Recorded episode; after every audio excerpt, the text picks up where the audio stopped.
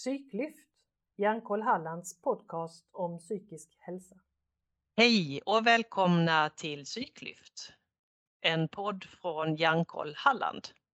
Jag heter Karina Torstensson och jag är ambassadör för Hjärnkoll Halland.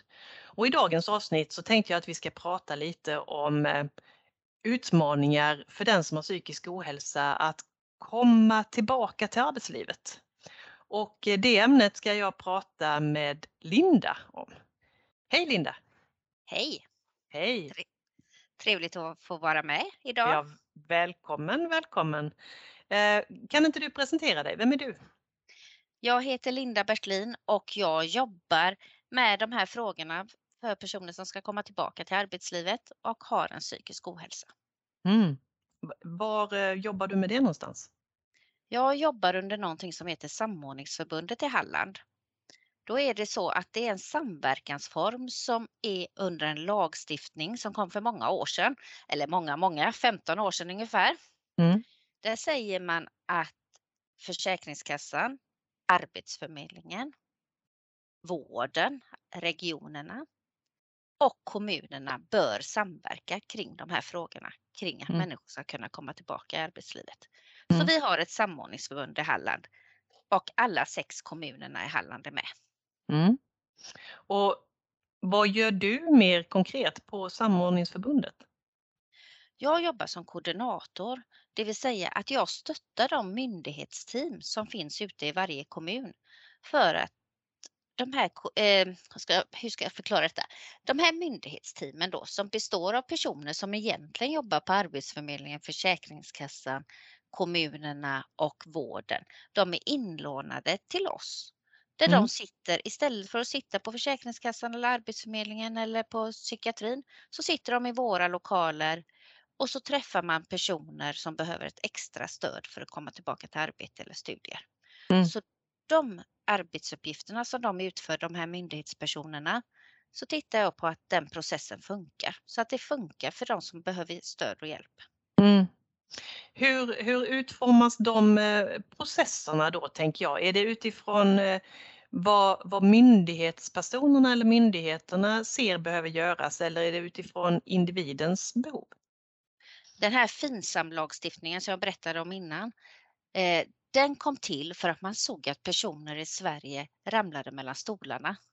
Det uttrycket tror jag att många känner igen, att ramla mellan stolarna.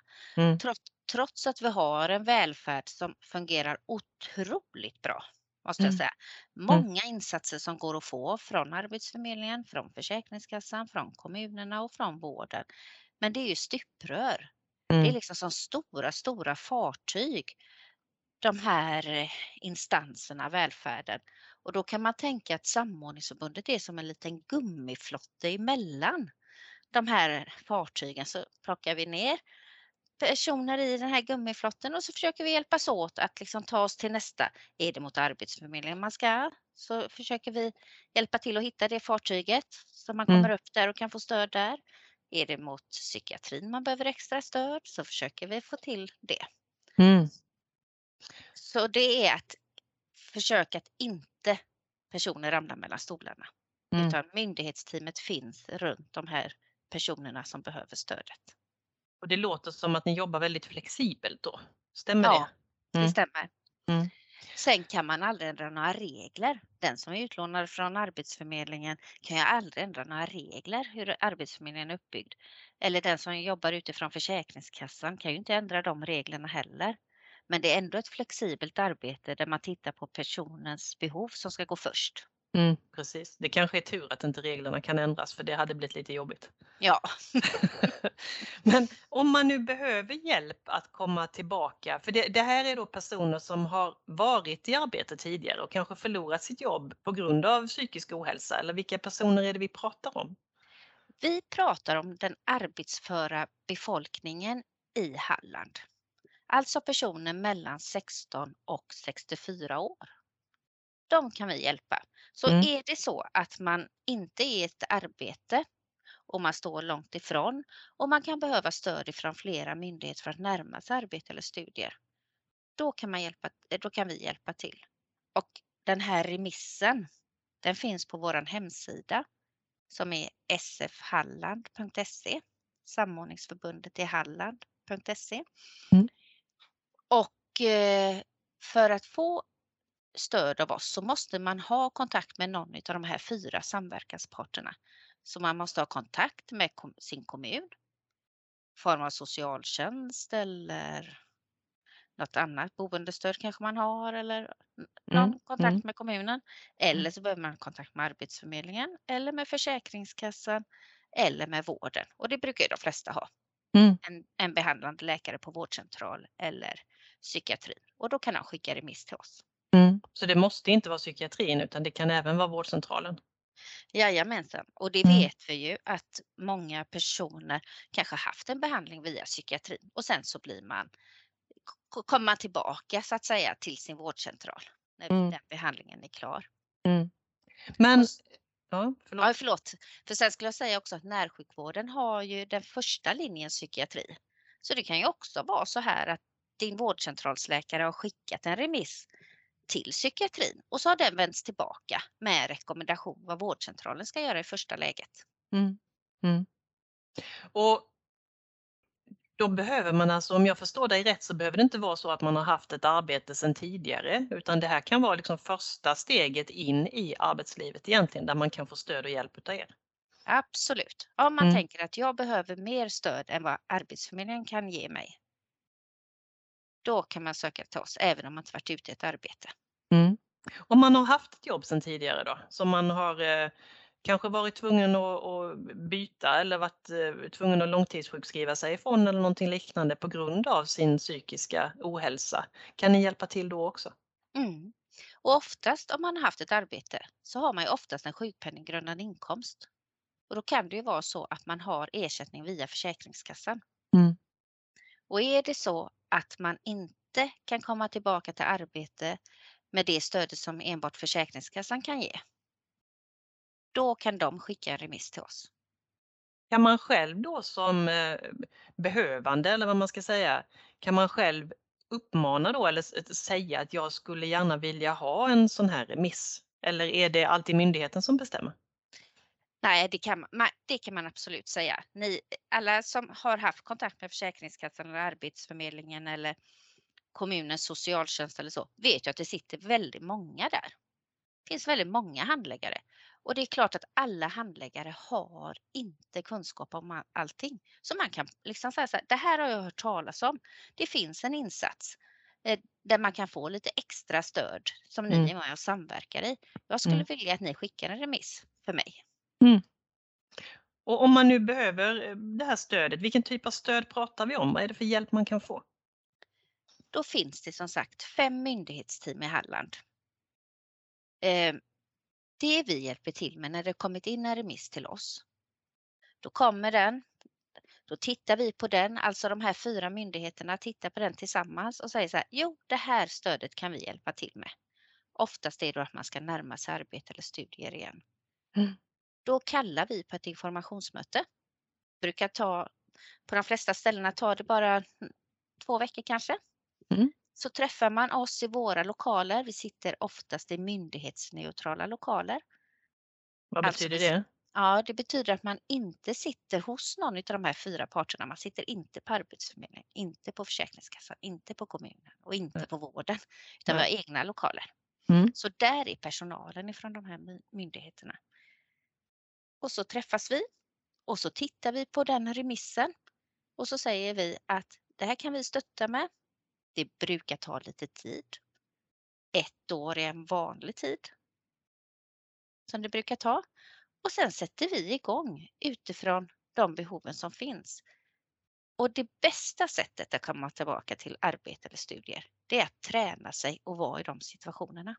Mm. Så väldigt ofta sker rehabiliteringen ute på en arbetsträning. Men du sa, jag måste bara fråga för att förtydliga, du sa att det kan ta tid. Eh, Det, det tar två veckor innan man får det här informationsmötet. Och sen sa Mm. du det kan ta tid upp till ett år. Menar du innan insatsen börjar eller menar Nej, du? i- nej. nej. Nej, bra. Nej, utan innan man ser ett resultat. Ja. Vad var det som gick bra? Vad var det Mm. som gick mindre bra? Mm. Eh, det som gick bra, vad kan jag göra mer av det? det som gick mindre bra, är det något extra stöd jag behöver till exempel ifrån vården? Eller behöver jag extra stöd i for, med mer med boendestöd på andra tider om man har igång det? Eller behöver Mm. jag ett boendestöd? Mm. Så att det är flera delar där Mm. som man kommer ha fått information om sig själv. Mm. Men det är jobbigt att arbetsträna, det är jobbigt att gå in i en rehabilitering. Det är ingenting som bara görs av sig själv, utan det är ett år med lite kämpande. Mm. Men orkar man kämpa på och testa sig så brukar man få resultat. Mm. Resultat av hur ska jag gå vidare? Hur ska jag tänka kring mitt arbetsliv? Eller hur ska jag tänka kring framtida studier? Mm.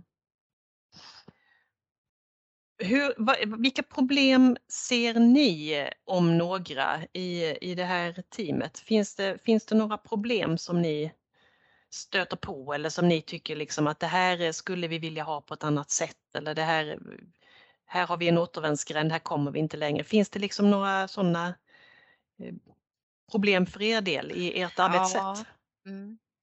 Det finns ju problem utifrån att varje myndighet som är med och samverkar har sina regelverk som jag sa. Mm. De, kan, de klarar av att sträcka sig en viss bit. Eh, många gånger långt, men ibland så kan regelverket sätta stopp.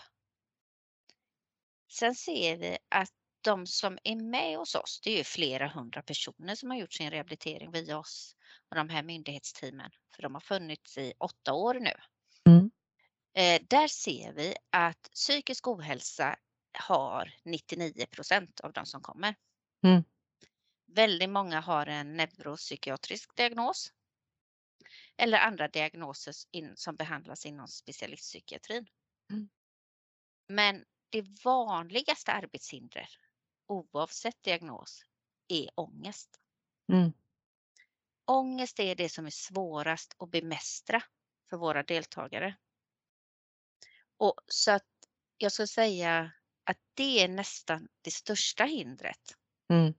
Att orka stå ut med den här ångesten och orka hitta vägar kring sitt arbetsliv eller, arbetsuppgifter eller studier så, trots ångesten. Mm.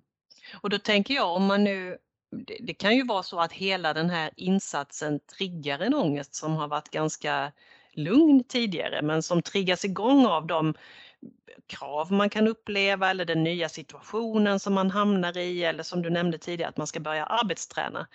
Om nu den, kallar ni, kallar ni personerna för patient eller klient eller kund? Eller? Ja, det, man kallar ju lite olika. Är man, har man ersättning från Försäkringskassan så kallas man väl försäkrad tror jag. Mm. Söker man jobb så är man arbetssökande. Ja, okej. Har man hjälp från socialtjänsten så kallas man väl oftast klient. Va? Mm. Och vården är man patient. Men vi säger deltagare. Ja, okej. Nej, Ja, men det var enkelt. Så att Ja. när man är med hos oss i Samordningsförbundet så är man en deltagare hos oss. Och då tänker jag, om man som deltagare då eh, får bekymmer med ångest som faktiskt utgör ett hinder för hela arbetsrehabiliteringen. Har man möjlighet genom de kontakterna som finns i ert eh, team då att komma till psykologkontakt även om man inte har haft det tidigare till exempel? Mm, då är det så, vi jobbar ju inte med behandling eller medicinsk rehabilitering, utan vi jobbar ju med rehabilitering mot arbetslivet. Mm. Det vi ser då när man triggar igång den här ångesten som du säger, för det stämmer, den triggas ofta, eller man har hittat ett sätt att leva som gör att man, man håller den på en nivå man klarar av. Mm. Sen när man kommer i nya situationer som man kommer göra med oss, man kommer komma i nya situationer, många gånger flammar den upp. Det vi kan göra då i och med att psykiatrin och närsjukvården är med och samverkar, det är att vi börjar trycka på den enheten man har sin medicinska rehabilitering hos. Är det vårdcentral, är det psykiatrin, så börjar vi flagga och säga nu behöver ni göra en extra insats parallellt här. Mm. För att det här ska hålla, för att deltagaren ska orka, så behöver man ha stöd. Mm. Men det stödet sker ute på den behandlande medicinska enheten, inte Mm. hos oss i form av behandling. Men man har ett jäkligt bra stöd i form av sin person, kontaktperson hos oss som är Mm. med och stöttar. Så det kan göra att det blir liksom lite eh, smidigare vägar att komma, komma rätt och komma till det stöd som man behöver när det dyker upp nya saker som man kanske, nya, nya bekymmer eller nya hinder längs rehabvägen mot arbetslivet. Då kan man få hjälp och, stöd att hitta det där extra supporten som man kanske behöver för att stå samlad och, och vara redo för arbetslivet. Absolut, Mm. där kan vi trycka på så att säga. Mm. Så har vi en rehabkoordinator från psykiatrin eller en sjuksköterska från psykiatrin som sitter med och samverkar hos oss så går hon tillbaka till sin mottagning och säger nu har eh, Lisa börjat arbetsträna och hon har försökt här och vi har försökt anpassa ut utifrån det och det och det. Men vi ser ändå att det här triggar på ett sådant sätt som gör att man bör få en fördjupad kontakt Mm. på mottagningen för att det ska Mm. hålla.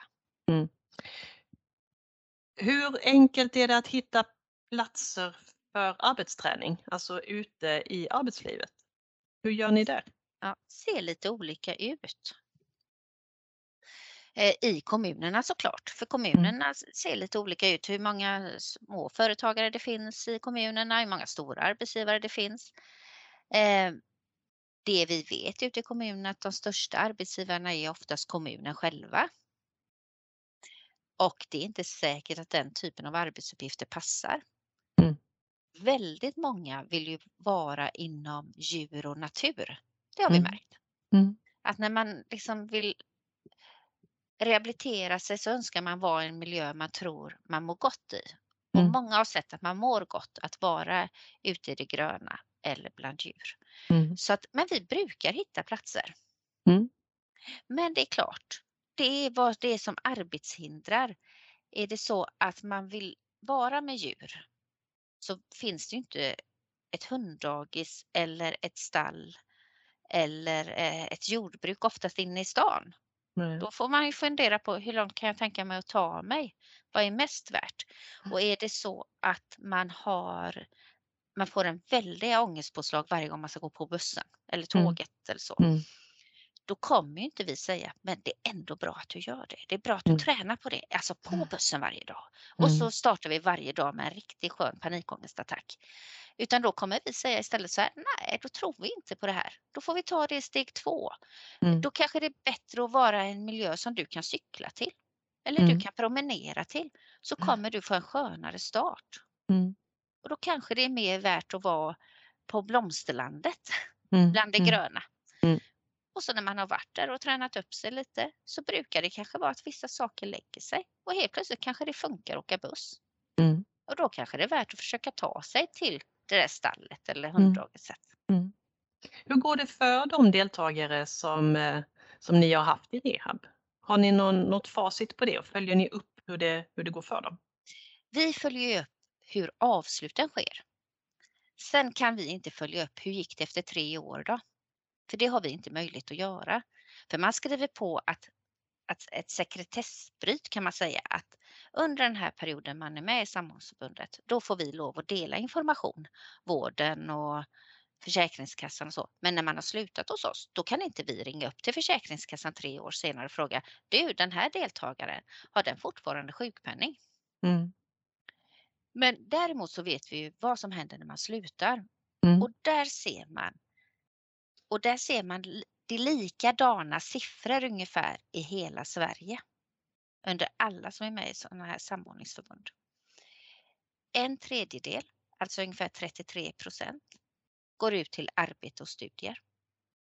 En tredjedel, de andra 33 procenten, går ut till fortsatt rehabilitering. Alltså man går tillbaka till Arbetsförmedlingen och säger nu är jag redo att söka jobb. Mm. Nu vet jag att jag klarar av 15 timmar i veckan eller 20 timmar i veckan. Så. En tredjedel avslutas mot sjukdom. Där man ser att det här gick faktiskt inte. Mm. Det här, jag är inte där. Jag kommer behöva mer medicinsk rehabilitering. Eller till och med kanske att vissa väljer att söka en sjukersättning. Mm. En så kallad förtidspension. Mm. Så, eh, så en tredjedel studier, eh, arbete, en tredjedel fortsatt rehabilitering hos någon av myndigheterna, alltså arbetslivsinriktad rehabilitering. En tredjedel avslutar för att det inte gick. Fortsättning följer. Missa inte nästa avsnitt.